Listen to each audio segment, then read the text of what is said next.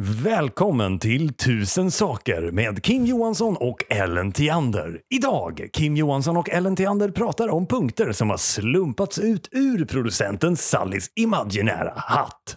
Nu kör vi! Är det något sånt du tänkte? Eh, Exakt vad jag hade i åtanke.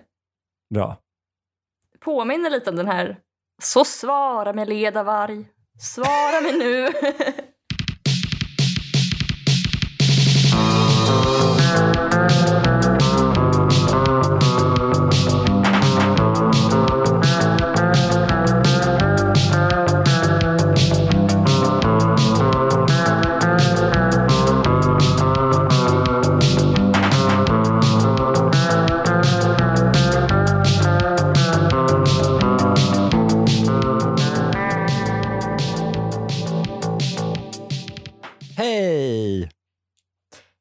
Hej. Hej! Vad är det här? Är det julmust? Åh, tack! Linnea kommer in med julmust till mig. Lilla fästmön. Så Ja. snäll. Vi köpte ju en back Soinerts. En vadå? En back Soinerts. En, ba- en back. Så jag förstår inte ett enda ord. Är det det du dricker nu? Det blev ingen vin. Jag kör dubbelkommando här. En grogg, en uppdelad grogg. Som jag blandar i munnen. Ja. Jag tänkte på en sak Ellen. Du Mm. känns ju som en person som aldrig någonsin har hetsdruckit hela ditt liv. Nej, Alltså så som det ser ut i Systembolagets informationsfilmer, hur det, hur det ser ut när ungdomar får liksom vin och sprit utköpt. just det. Kom ner, eller vad är det de säger när, när hon sitter i trädet? Kom ner från trädet, du är berusad, det kan vara farligt. Ja, Det var du. det var jag som Eller? stod där nere, ja, upp på marken och ropade upp. Kom, kom, vi kan starta en fri kulturfestival. ja. Kom så går vi på ABF-föreläsning. Nej, men det, det stämmer väldigt bra. Jag har, jag har liksom i princip aldrig varit full. Jag kan inte direkt säga att jag har varit någon öl-shotgunnare heller. Det är klart att jag har liksom konsumerat saker på ett sätt så att jag inte har liksom uppfattat varenda not i smakerna. Men, men eh, jag har ju å andra sidan liksom aldrig... Jo, jag kanske har bongat en öl när jag tänker efter. Alltså på tal om Ja. öl, en, en grej som är så jävla pre-corona var Emmaboda för många, många år sedan. När jag och en kompis gick omkring med liksom vi hade som en byggarbetarhjälm. Eh, Så gick vi runt med den och så sprang vi fram till folk och bara du ser ut som att du har druckit fel. Typ. Du måste dricka varannan hatten. Och de bara vadå varannan hatten? Och då hällde vi upp öl i den här byggarbetarhatten och så drack de ur den. Eh, Det känns som att det på gott och ont aldrig kommer komma tillbaka. Alltså att man Eller? inte vågar eh, liksom utbyta vätskor tänkte jag säga med främlingar. Men det låter som att eh, det skulle vara det är en lite tråkigare värld. Men du kan väl inte direkt säga att du känner att du har liksom missat det? Jo, alltså jag, för jag eh, eh, liksom har ju nu börjat längta efter att fucka ur. Mm. Det liksom föreslår jag då varje sån stillsam middag.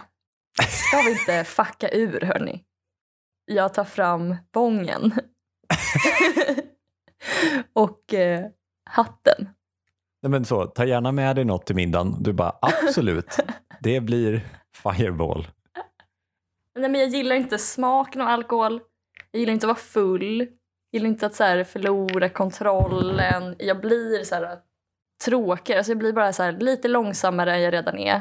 Det vill säga väldigt långsam. Och lite tröttare. Hänger inte riktigt med på vad folk säger. Eh, så är det att festa med mig. Det låter som alla gånger jag har blivit bjuden på gräs. Det är Ah, liksom, ja, jag har det är ju- inte, Nej, men det är ju omöjligt. Alltså, det, kroppen domnar bort. Jag förlorar synen. men jag tror att det är för att jag är så, liksom, jag är så kognitivt utmanad redan. Men jag tror att din, din aversion från, eh, mot alkohol eh, kan väl ha att göra med att du kanske redan har a lot on your plate rent eh, kognitivt. Är det en, en korrekt analys? Nej, alltså jag tror verkligen att det är exakt tvärtom. Att, Alltså, att jag du tror har att för...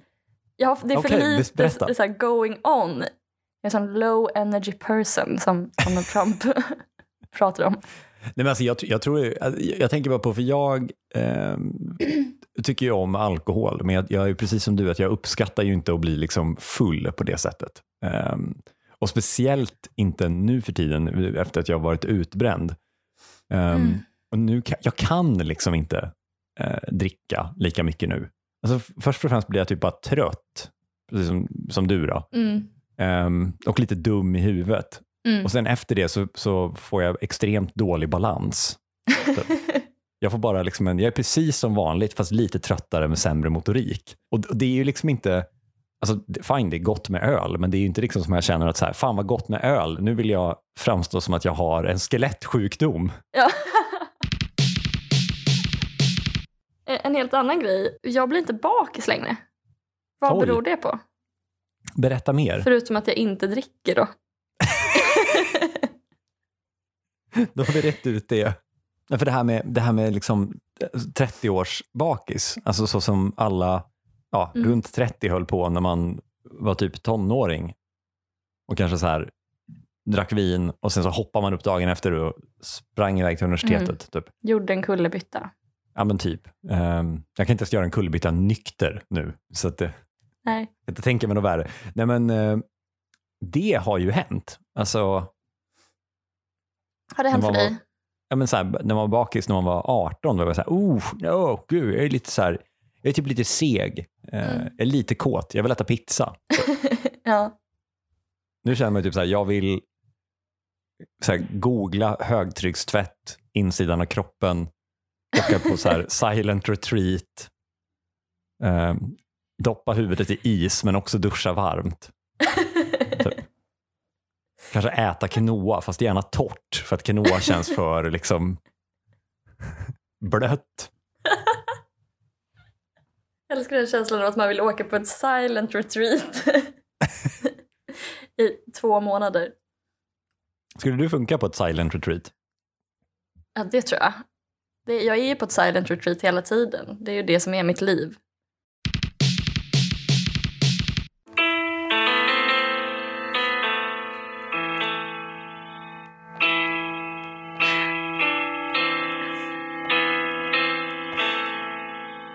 Ellens killproblem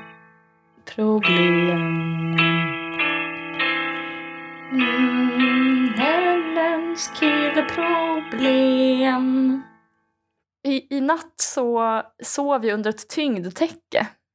Men jag bara, tanken slog mig bara att eh, det skulle vara kul, det är en lite kul sketch om man drar hem med någon från krogen, kommer hem till den och ska så här krypa ner i sängen och inser att personen har ett tyngdtäcke. Och, så- och så ska man då eh, försöka göra sorti på ett smidigt sätt. Men så, så går det inte för man är fastklämd under det här tyngdtäcket. Är det här baserat på verkliga händelser? ja, precis. Det var det som hände i natt. Att jag bara låg under en sån jättetung sandsäck och inte kunde ta mig loss. Men kul för dig att du har träffat en man med pengar Ja, gud. På Östermalm också. och uppenbar psykisk ohälsa eftersom Ja. han har gett sig på Mig. ett tyngdtäcke. Jag har ett tillägg till att jag har tappat det. Ehm, det rör då vårt soprum.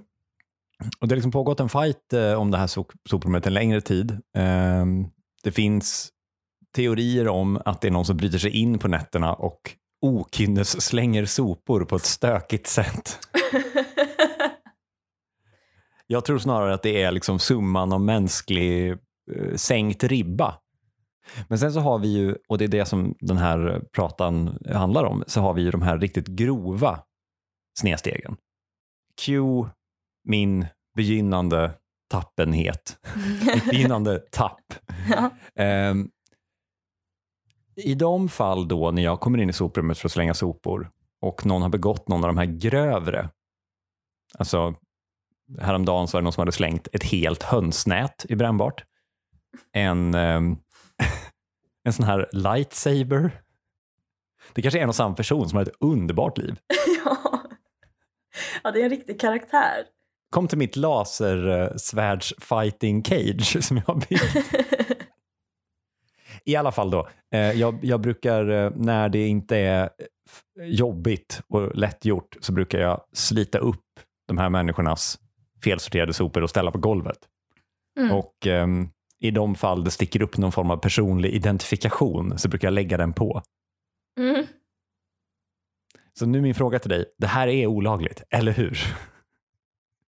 Nej, men om det är ett brott att vara en perfekt ängel med civilkurage och eh, privatmoral så lock me up. Så, så ja, då, är du, då är du skyldig. Punkt 209. Varför har alla gått med på att man inte får säga spoilers? Vad är det för djupt sjuk konstsyn där man tror att intrigen är poängen?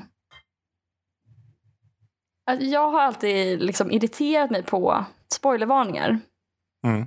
Var står du i spoilerfrågan? Jag pendlar. Jag, eh, oftast är jag som du, för jag, jag missar jag missar 99,9 procent av all aktuell kultur. Mm. Och den kulturen jag faktiskt plockar upp pratar jag oavbrutet om. Mm. Ehm, men samtidigt när jag väl tittar på någonting så kan jag ju bli, eh, vill jag ju liksom uppleva Mm. den stora twisten. Typ. Mm. Jag antar att du Men- eh, ställer dig starkt kritisk. Ja, men för jag har alltid gjort det.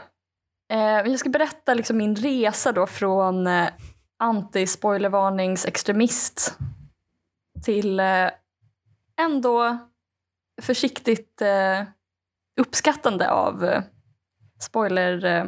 spoilerkänsliga. Det, det är en prata som börjar kul och uppskruvad och slutar i någon slags mellan. Spoiler! Slutar i- en helt eh, så här resonlig, lågmäld, balanserad åsikt. Nu kör vi! Eh, Full fart framåt. Ja, ja. Tut tut.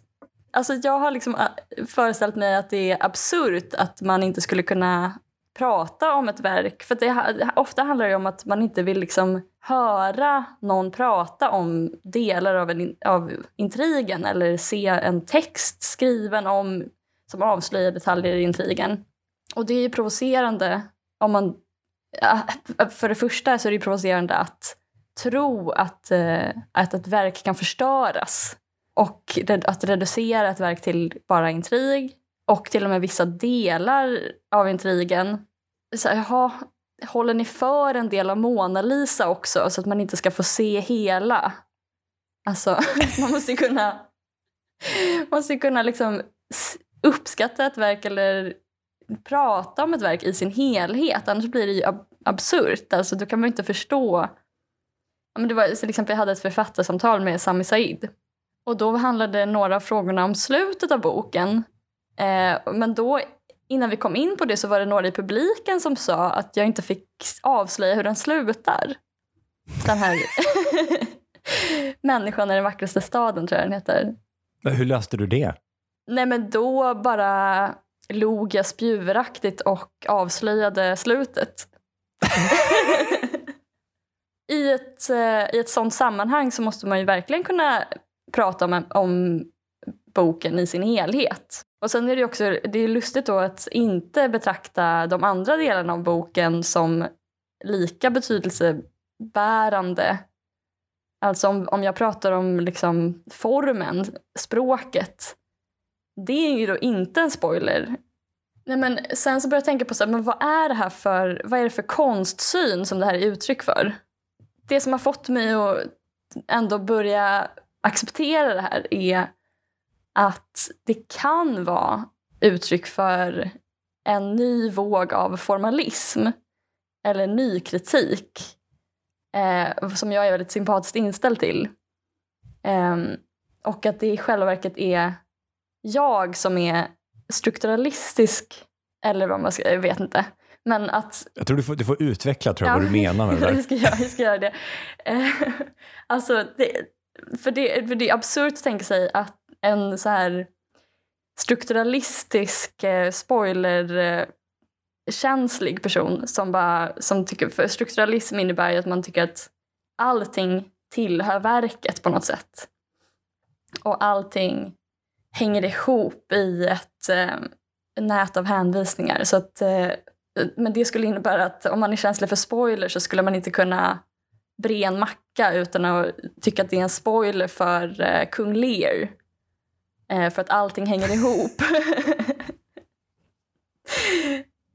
Istället så är det ju kanske en mer formalistisk syn på ett verk. Att verket är en sluten, komplett entitet eh, där du inte kan söka meningen med verket utanför verket. Eh, formalismen, är, eller nykritiken, Ehm, det börjar med en kritik av att liksom intressera sig till exempel för författaren och vad författarens intention var. Eh, för att då menar man att men det finns ingen poäng med att fråga en upphovsperson vad den menade med ett verk för den har redan sagt vad den menade i verket. Och har personen lyckats så står det där eller det finns liksom att, att avläsa i verket. Och har upphovspersonen misslyckats så ja, då, står det, då finns det inte där i verket och då finns det inte heller någon poäng med att eh, söka efter det. Ja, men och sen att man kan inte parafrasera eller ta ut vissa, bara en del av ett verk och säga att det, det här handlar det här om. Romeo och Julia handlar om, om omöjlig kärlek. Alltså det enda sättet att parafrasera ett verk är att eh, göra en exakt kopia av verket. Då skulle man få fram samma innebörd. Men du kan välja ut delar eller belysa vissa liksom, aspekter av ett verk och på så vis utveckla det som verket säger. Då. Och det kanske är snarare någonting sånt som de här spoilerkänsliga är ute efter. Att verket är komplett och det och måste upplevas i sin helhet. Så att det förstör någonting eller det, det går inte att återge eller det går liksom inte att, att ja, men att det är för futtigt att bara, att, säga, att bara veta att Romeo och Julia dör. Det säger ingenting om verket. Fast, eh, ja, det är lite motsägelsefullt för det, det de menar är ju att det säger någonting. Att det säger så mycket att det, det går inte att uppleva verket. Ja, det var det. Då öppnar vi för frågor. Nej, men, nej, men jag, tror, jag tror att du, eh, jag tror att du, den biten jag lyckades plocka upp, så tror jag att, jag att, du är inne på något, men jag fastnade på, jag fastnade på eh, upplevelsen. För att alltså, om jag skulle beskriva hur jag tänker att man tittar på verk, som du säger, så skulle jag väl snarare säga att man tittar på upplevelser. Alltså verket, eller egentligen i grund och botten mediet har ju liksom blivit sekundärt på något sätt. Det handlar ju mer om en upplevelse och, och kanske i sin renaste form arketypiska känslor man vill väcka. Typ. Alltså, du, för en viss grupp av människor, jag tänker om du tittar på liksom Netflix, men också HBO och andra, att man, man jobbar med, på ett så tydligt sätt att så okej, okay, men de här människorna som vi har som prenumeranter, de delar vi upp i olika kategorier och sen så försöker vi förutspå vilken typ av känslor de vill känna vid ett visst tillfälle. Alltså, Stranger Things var väl en sån grej att så här, okay, men världen känns lite osäker, det är inte skitkul att vara 80-talist nu. Man börjar få barn och liksom kanske drömmer sig tillbaka lite till hur det var förr. Det kändes enkelt och kul och skräckfilmer var skräckfilmer. Och, liksom, och så tar man fram en, liksom en enda in, en enda lång ström av nostalgikänsla rakt in i kroppen. Jag tror att de flesta människorna analyserar nog inte liksom verk på det sättet längre som de analyserar sin kvalitetstid eller sin upplevelse av det och tänker att så här, om du tar ifrån mig eh, slutet, då tar du ifrån mig det som liksom upphovsmakarna så fint har skruvat fram för att väcka exakt den känslan som min målgrupp vill ha. Mm är det så, alltså det är ju det är väldigt mörkt. Om det är så att är, den enda poängen med Stranger Things är att det är en känsla av nostalgi och sen ett överraskningsmoment. Men det, det, alltså, vad skulle det annars vara egentligen? Alltså, det, det, är ju, det är ju svårt att utgå ifrån att Netflix finns för att den stora konstens skull. Nej, alltså det är väl det, det är väl så kanske. Och det kanske finns en, någon skillnad här mellan underhållning och konst. Och att underhållningsvärdet minskar av... Ja, men att underhållningsvärdet till stor del ligger i intrigen. Eller, ja, men jag vet inte vad det är. Men alltså, det, det verkar som dålig konst då, tycker jag. Om det är så att man bara kan... Ett verk då, Stranger Things, bara så att säga handlar om, inom citationstecken, en, en känsla av nostalgi. Eller så är det ju inte. Alltså man skulle inte säga då återigen Mona Lisa att man så här, eh, Mona Lisa handlar om, spoiler alert, en tjej som ler. alltså. Det är ju inte det... det... som är poängen. Eller så, för det finns ingen poäng, men det, är ju, eh, Eh, det innehåller så mycket. Alltså var, varenda liten detalj är ju ett konstnärligt val. Varenda replik, förhoppningsvis. Och även, även om det inte är ett aktivt val så är det ju ändå ett konstnärligt val som man i varenda pausering, i varenda replik skulle kunna fördjupa sig i. Och då blir det så konstigt att lyfta ut vissa aspekter av ett verk och inte uppehålla sig vid de här pauseringarna. De, det, det är ingen som säger att så här, ah, i, i uh, Stranger Things så finns det vissa pauser, de här, de här pauseringarna och då att man bara la la la la la. Men jag vet inte. Det kanske, det kanske skiljer sig mellan underhållning och konst då, eller dålig ett dåligt konstverk som kan förstöras, att det är någonting med det. Att ett bra konstverk jag, kan inte förstöras. Alltså, jag tittar, tittar helt okej okay mycket på serier och tycker att det görs väldigt mycket bra serier. Mm. Men jag upplever att det, det som tidigare eh, tog en säsong att berätta, nu alltid knölas in i första avsnittet. Ta till exempel Parks and Recreation. Mm. fantastisk komediserie och man känner liksom att efter ett tag så känner man att man känner karaktärerna och liksom bryr sig om dem på riktigt och, och man vet vad de har för quirks och vad de tänker. Och, alltså, de blir som kompisar.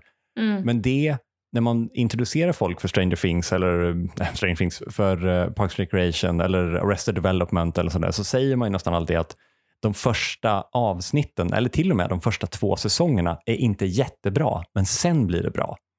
Och Det känns som att det finns inte riktigt kvar längre. För att eftersom vi mestadels bara är ute efter upplevelsen, typ vad mysigt att jag har ett gäng knasiga kompisar jag kan skratta med och åt.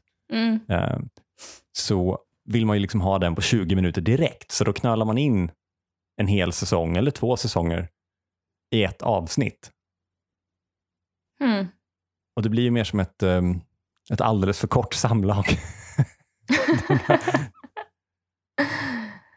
Uh, ja, det är, ju, det är ju faktiskt en bra, ganska bra allegori för ett, den typen av verk då som bara finns till. Även om jag, jag är lite tveksam till om det verkligen finns sådana verk. Men om man, om man tänker sig att det, bara, att det finns liksom ett verk som bara är ute efter att så här, tillfredsställa ett behov eller väcka en känsla snabbt då är ju det som ett dåligt samlag. Då. Alltså det, för det är ju inte att... Poängen är ju inte att båda ska komma så snabbt som möjligt.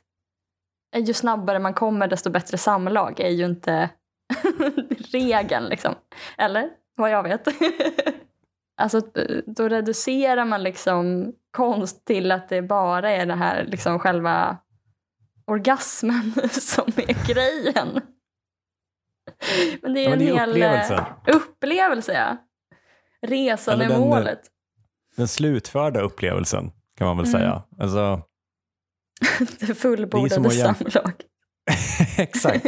Nej, men det, det, är väl lite som... Eh, eh, Alltså det är ju å andra sidan, det är ju inte något liksom nytt fenomen som stora dumma Netflix har hittat på, utan jag har ju pratat om i någon tidigare podd att jag kom över såna här 10-öresromaner som fanns på 50-talet. Som liksom alltid började med en kort beskrivning av vad man skulle tycka om alla karaktärerna, ifall de var lömska eller onda eller goda. Så man, liksom, man behövde inte oroa sig för det, utan man vet att nu kommer det en stor stark hjälte och han eh, får eh, flickan och eh, dödar skurken. Liksom. Mm. Det kommer ingen konstig twist, det kommer inget liksom, det här är bara goa två och en halv timme förströelse för tio öre. Mm.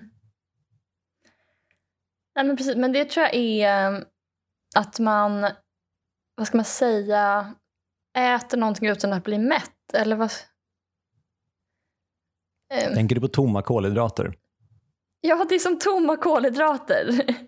Alltså det, du blir aldrig riktigt mätt för att du har liksom ett skenbehov eller falskt medvetande. Eh, nu läser jag definitionen av falskt medvetande från Wikipedia. Ett begrepp inom marxistisk teori som bygger på hypotesen att institutioner i kapitalistiska samhällen förleder proletariatet rörande kapitalismens natur så att de undertryckta samhällsklasserna inte inser sina objektiva intressen. Man tror att man behöver en sak, men man behöver egentligen någonting annat. Så i strävan att uppfylla det här behovet som man känner så, ja, man, man uppfyller inte sitt behov helt enkelt. För att du, ja, man äter tomma kolhydrater eller Kapitalismen lurar i oss att vi egentligen behöver ligga under en sandsäck när det Mm. vi egentligen behöver är en till semestervecka. Ja, alla är liksom hungriga efter konst men mättar sig med underhållning. Det vet jag inte. Jag tror man är väl mer hungrig efter förströelse. Att man vill inte tänka på det. Nej, men man mättar sig med, med förstörelse, men, jag tror, men är man inte hungrig efter liksom en, en upplevelse som betyder någonting som kan förändra... Nej, du okej. åka ut på din mission nu runt om i landet? Stäng av Let's Dance. Här är jag med Bergman på DVD-box. Kom nu, man ur huse. Nu blir det, Nej, men det är nu det sant. Ja. konst. Ja, men det är sant, för det har ju ingenting att göra med varandra. Alltså det, det på, förstörelse liksom, det har ju ingenting gemensamt med konst. För att det, är- alltså en konstnärlig upplevelse är liksom, det är ett arbete, det kräver ju my- mycket. Det är ju absolut ingenting du kan så här, luta dig tillbaka och bli förströdd av. Du måste ju sitta liksom framåtlutad eh, och aktiv. Ta på dig läsglasögonen. Den här riktiga maten som är lite svår för magen att smälta, men den är bra. Det är fibrer. Punkt 995. Är det inte sjukt att man antar att alla vet att man menar ett företag när man typ säger hallon? Att man inte menar någons häst eller något annat? Att kapitalismen vann så pass att alla ord vi inte känner igen förmodligen är företagsnamn. Annat var det förr när bolag tvingades heta typ Läderskor i Jämtland aktiebolag. Jag hade haft ett eh, samtal med min chef som diskuterade mm, mobiloperatörer och då eh, sa han jämt och ständigt Hallonföretagen. Och då började jag fundera tillbaka på en värld där saker hette telefon, men Televerket. ja, ja. Alltså, det här är väl också en sån punkt som är kul man bara läser högt och sen håller käften. Men jag, jag, jag fick en idé Ellen om att man liksom när folk sa bolagsnamn som man liksom aldrig har hört. Nu, nu funkar det inte riktigt längre för att man har ett, hört så många bolagsnamn och två, alla heter någonting med typ Ply, att- typ Fi, Xler eller något sånt där. Alltså man, man, man, man känner igen ett bolagsnamn på ändelsen. Liksom. Men att man skulle då, eh, om man inte kände igen bolagsnamnet, fråga om det var deras häst. Häst är bra för de, de har ju ofta sådana namn som företag har. Ja, det är faktiskt, gud, jag har inte ens tänkt på. Det är faktiskt sant. Bolt, Ja, Voi. Ja, just det. Ja, ja. Pong. Uber Eats. Eller så säger Nej, någon så ska vi ta en heter- Uber och man bara här- förlåt, alltså- jag kan inte tyska. Tävlingshästar har ju såna här väldigt avancerade namn. Mm. Alltså accent equity skulle kunna vara en häst. en sån jättefin dressyrhäst. Ja, men det är lustigt hur många ord som är företagsnamn ja, i ens vokabulär. Alltså över- överhuvudtaget att man, man kan som du säger så många företagsnamn och ibland så är det till och med istället för att man säger att man googlar då. Man säger iPhone. Alltså man, man gör de här företagen den välgärningen att byta ut ord mot deras företagsnamn. Ja. Om man vill bli en riktigt störig vänsterperson så kan man konstant låtsas missförstå företagsnamn och utgå från att det är någons djur.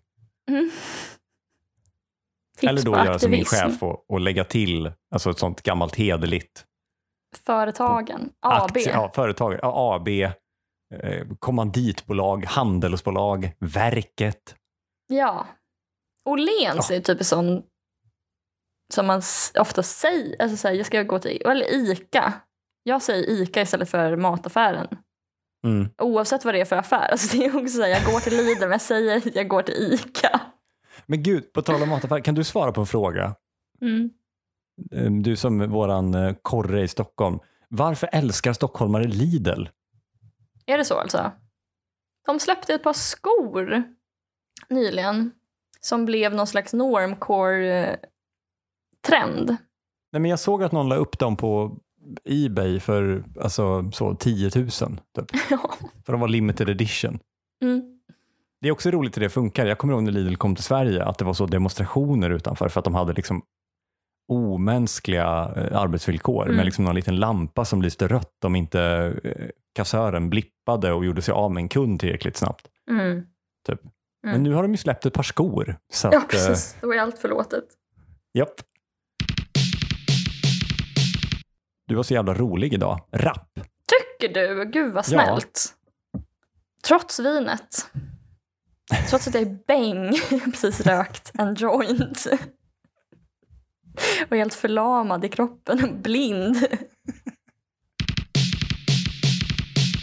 Du har lyssnat på Tusen saker med Ellen Theander och Kim Johansson. Producent var Sally Eriksson. Tekniker och klipp står Ellen Theander för och det är också Ellen Theander som är ansvarig utgivare. Vi kommer ut på tisdagar klockan sex på morgonen. På återhörande. I slutet där så var det som en sån, någon slags salongsberusad direktör. Det är ju hela min personlighet. Det är, tittar du på The Crown? Nej, Ah, jag har aldrig sett rörlig bild tyvärr. nej.